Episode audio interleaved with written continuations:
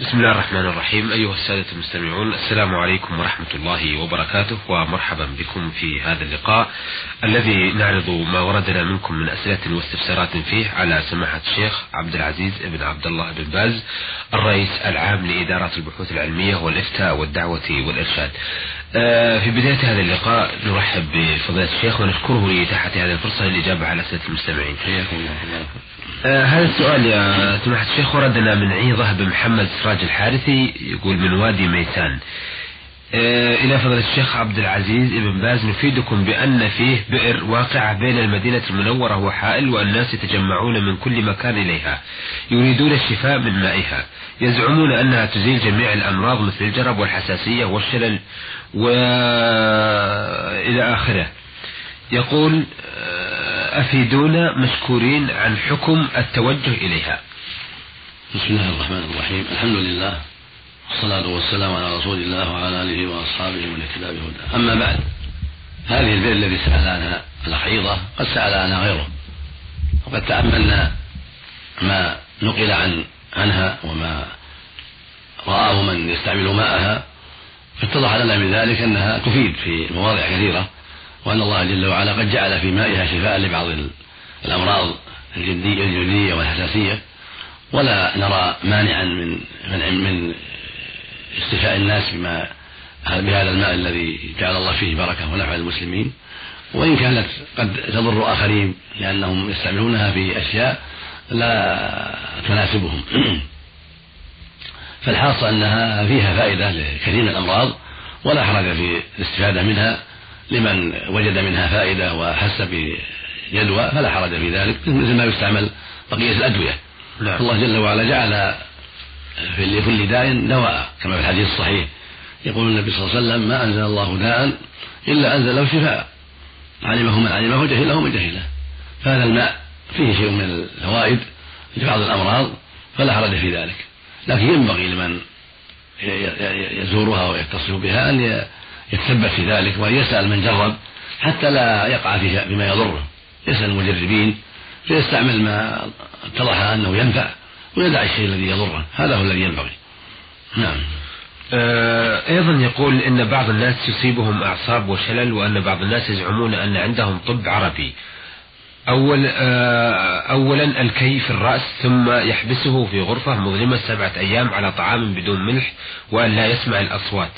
آه، هل هذا صحيح أم لا؟ أفيدونا وفقكم الله أكثر الطب أو كثير منه كله مبني على التجارب.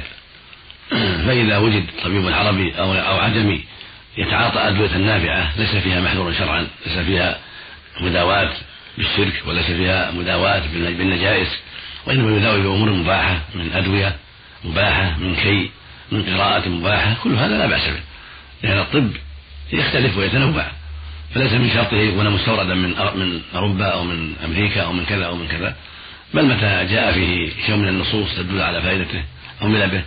ومتى جرب شيء من الحبوب أو الثمار أو الكي أو غير ذلك في بعض الأمراض فلا بأس. والحاصل أن الغالب في الطب أو الكثير في الطب أنه إنما هو التجارب. نعم. فإذا جرب إنسان يتعاطى الطب جرب علاجا بالكي لبعض الأمراض أو حمية لبعض الأمراض أو جعل المريض في حجرة ليس فيها نور لأنه ينفعه ذلك في بعض الأمراض أو يحميه عن الملح أو عن كذا أو عن كذا كل هذا لا بأس به على حسب التجارب. نعم. بشرط ألا يكون في هذا شيء يخالف أمر الله جل وعلا. لابد أن تكون هذه الإجراءات غير غير مخالفة للشريعة. أما العلاج بشيء يخالف الشرع من من المحرمات المعروفة فلا يجوز. لأن الله لأن الرسول عليه والسلام قال عباد الله تداووا ولا تداووا بحرام. وروي عنه عليه السلام أنه قال إن الله لم يجعل شفاءكم فيما حرم عليكم. نعم. ولما سأله بعض الناس عن الخمر يصنعها للدواء قال عليه الصلاة والسلام إنها ليست بدواء ولكنها داء. نعم. بين عليه الصلاة والسلام أن الخمر ليس بدواء ولكنها داء. فالحاصل من هذا أن الشيء الذي جرب وعرف أنه ينفع سواء كان كيا أو ثمرة تؤكل أو حبوبا تؤكل أو دهانا أو حمية عن أشياء أخرى أو ما أشبه ذلك مما ليس فيه مخالفة للشرع فكل هذا لا بأس به والحمد لله. عباد الله تداووا ولا تداووا بحرام. هذا شيء معروف. والله جل وعلا جعل لكل داء دواء. فإذا أصيب دواء الداء بريء بإذن الله هكذا جاء الحديث. نعم. يقول عليه الصلاة والسلام لكل داء دواء. فإذا أصيب دواء الداء برئ بإذن الله. سبحانه وتعالى نعم. أه وردتنا هذه الرسالة من المرسل فهمي عبد الرحمن أحمد يسأل عن أه الصلاة في عدة أسئلة. يقول السؤال الأول أديت صلاة العشاء وكذلك الوتر ثم نمت وقمت بعد منتصف الليل فهل تجوز الصلاة أي التي هي قيام الليل بعد الوتر؟ السنة للمؤمن أن يتحرى الوقت الذي يستطيعه للتهجد بالليل فإن كان يستطيع القيام من آخر الليل أخر تهجده إلى آخر الليل لأن هذا أفضل. وقت التنزل الإلهي الذي جاء في الحديث الصحيح المستفيض عن رسول الله عليه الصلاة والسلام أنه قال ينزل ربنا إلى سماء الدنيا كل ليلة حين يبقى ثلث الليل الآخر. فيقول من يدعوني فأستجيب له. من يسألني فأعطيه. من يستغفرني فأغفر له. حتى ينفجر الفجر. هذا الوقت وقت عظيم في نزول الرب عز وجل نزول يليق بجلاله سبحانه وتعالى وفيه أنه يقول هل من داع فيستجاب له؟ هل من سائل فيعطى سؤله هل من مستغفر له؟ في هل من تائب فيتابع عليه؟ هذا فضل عظيم. ينبغي تحري هذا الوقت وهو آخر الليل الثلث الأخير. نعم. لهذا لهذا الحديث الصحيح في النزول. وهذا النزول وصف لربنا عز وجل كما يليق سبحانه وتعالى. لا يكيف ولا يمثل بل يقال في هذا النزول يليق بجلاله لا يشابهه في خلقه سبحانه وتعالى كسائر الصفات. كما نقول استوى على العرش استواء يليق بجلاله لا يشابهه في خلقه سبحانه وتعالى.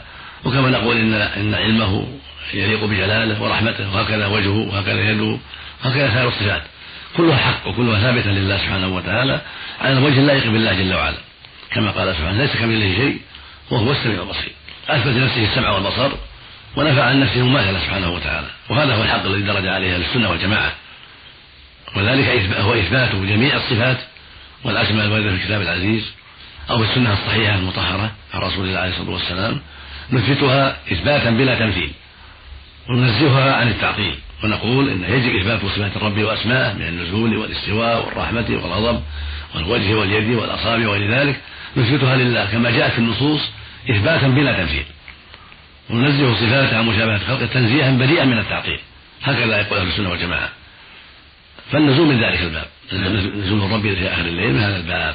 نثبته لله على الوجه اللائق بالله سبحانه وتعالى مع الإيمان بعلوه فوق العرش وأنه فوق العرش جل وعلا. فإن صفاته لا تساوي صفات خلقه. فلا يتنافى النزول في حقه مع علوه فوق العرش سبحانه وتعالى. لا يتنافى هذا وهذا في حقه عز وجل. فإنه نزول لا يعلم كنهه وكيفيته إلا هو سبحانه وتعالى.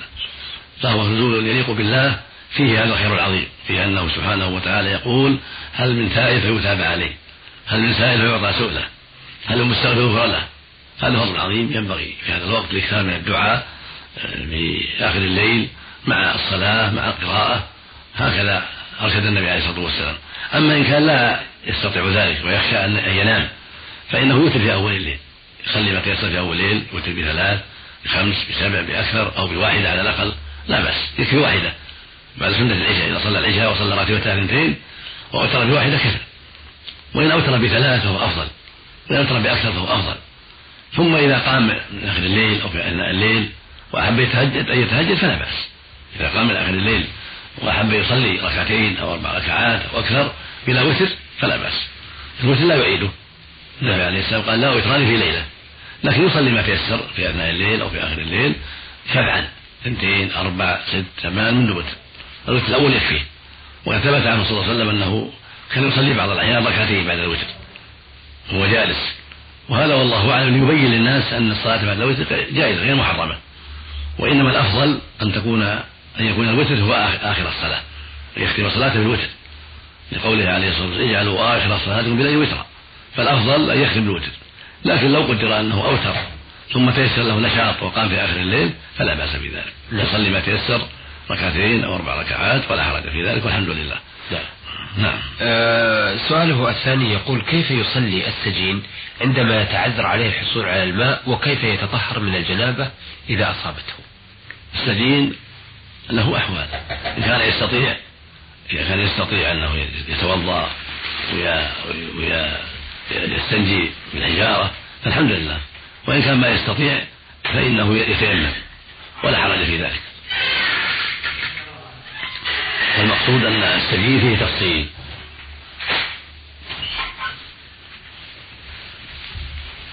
إذا يستطيع أن يتطهر على قدر استطاعته.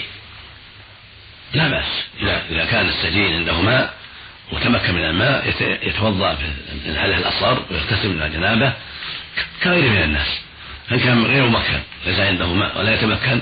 فإنه يتطهر من من النجاسات بالمناديل ونحوها. يتمشى يعني يتمسح بالمنديل ثلاث مرات أكثر مناديل أو بحجر أو بلبن أو بغير هذا من الجامدات النواشف الطاهرات حتى ينقي المحل. ينقي الدبر والذكر من أثر البول والغائط.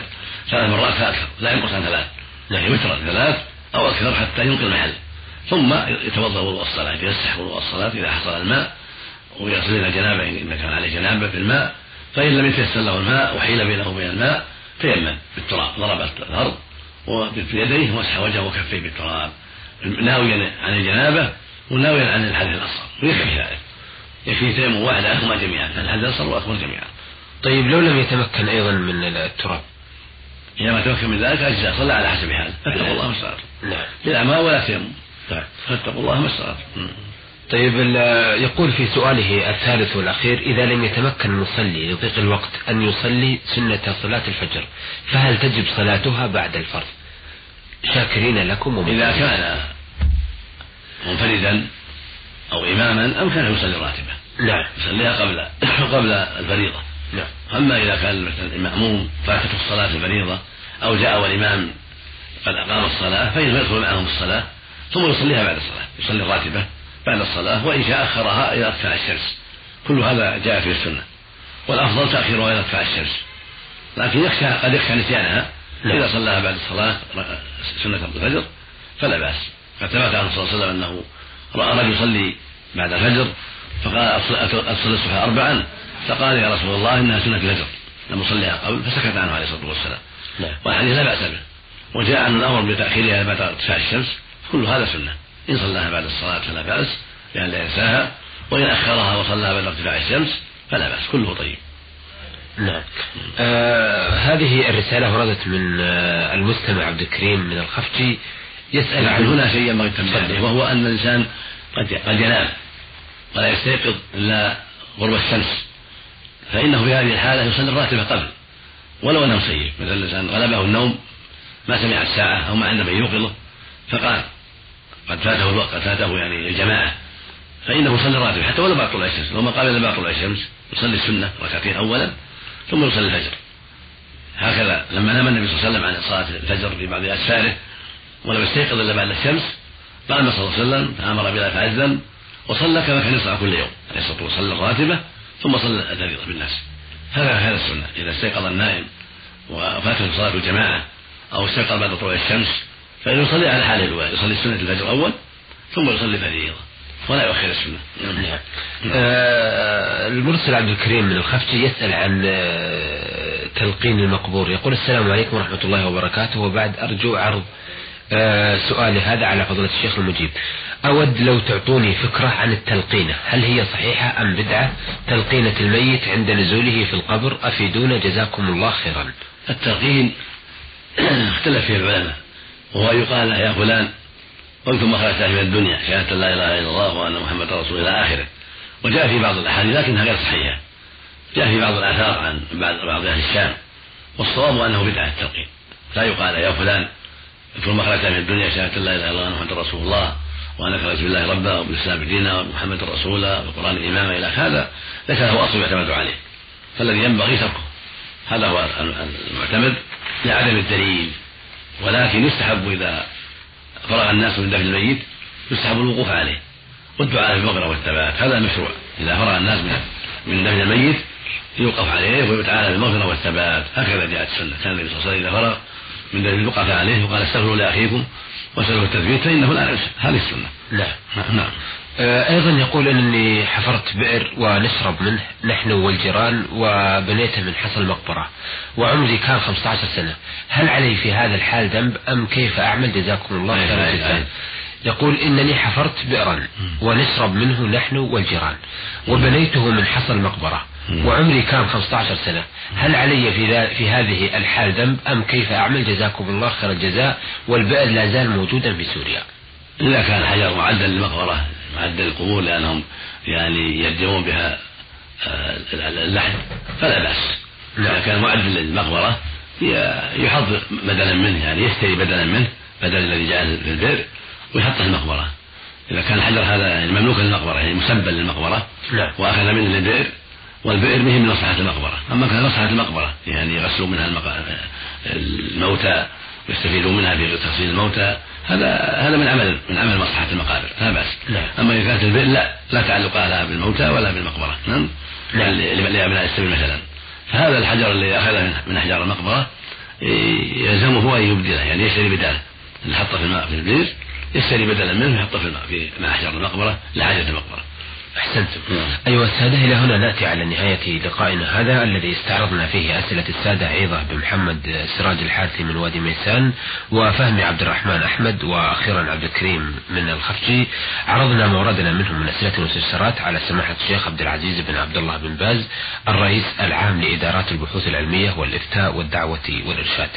آه شكرا لسماحة الشيخ كما نشكركم أيها الأخوة وإلى أن نلتقي نستودعكم الله والسلام عليكم ورحمة الله وبركاته.